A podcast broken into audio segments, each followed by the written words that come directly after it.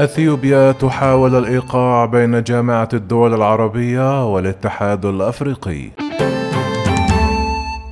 أعرب مصدر مسؤول بالأمانة العامة لجامعة الدول العربية الثلاثاء عن انزعاج الجامعة لما ورد في رسالة أثيوبيا الأخيرة إلى مجلس الأمن بتاريخ الخامس من يوليو الجاري التي ترفض فيها تدخل الهيئة في قضية سد النهضة بزعم أن ذلك قد يقوض العلاقات الودية والتعاونية بين الجامعة والاتحاد الأفريقي. أكد المصدر أن رسالة أثيوبيا تضمنت مغالطات عديدة لكن أخطر ما ورد فيها هو السعي الواضح إلى دق إسفين بين منطقتين إقليميتين طالما احتفظتا في الماضي والحاضر بأوثق العلاقات وأكثرها متانة وشدد على أن الجامعة العربية ليست في وارد الدخول في أي صور من صور السجل أو المواجهة مع الاتحاد الأفريقي خاصة أنها تضم في عضويتها عشرة دول عربية هي أيضا دول أعضاء في الاتحاد.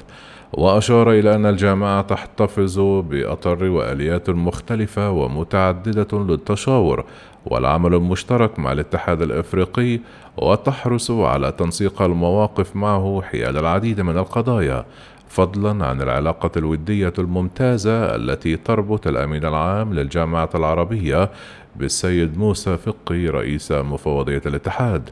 وأضاف المصدر أن تدخل الجامعة في موضوع سد النهضة الذي يستند إلى قرارات صادرة عن مجلس الجامعة هو أمر طبيعي ومنطقي باعتبار القضية تؤثر على مصالح دولتين من أعضائها هما مصر والسودان.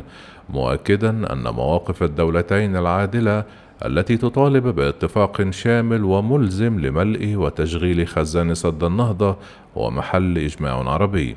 واختتم المصدر تصريحاته بالقول بأن المسعى الأثيوبي يحاول للأسف تصوير المسألة وكأنها صراع عربي أفريقي.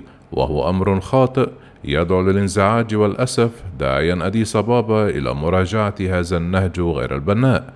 كانت أثيوبيا استنكرت الثلاثاء ما اعتبرته تدخل جامعة الدول العربية في الخلاف بين مصر والسودان بشأن سد النهضة على نهر النيل قبل يومين من اجتماع مرتقب لمجلس الأمن الدولي.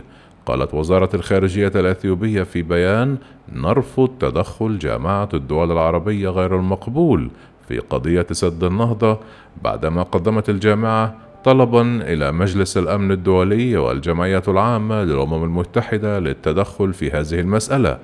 وتصاعد التوتر في ملف سد النهضة الذي تبنيه إثيوبيا على النيل الأزرق بعدما أعلنت أديس بابا أنها بدأت عملية الملء الثاني لخزان السد مما أثار غضب دولتي المصب مصر والسودان.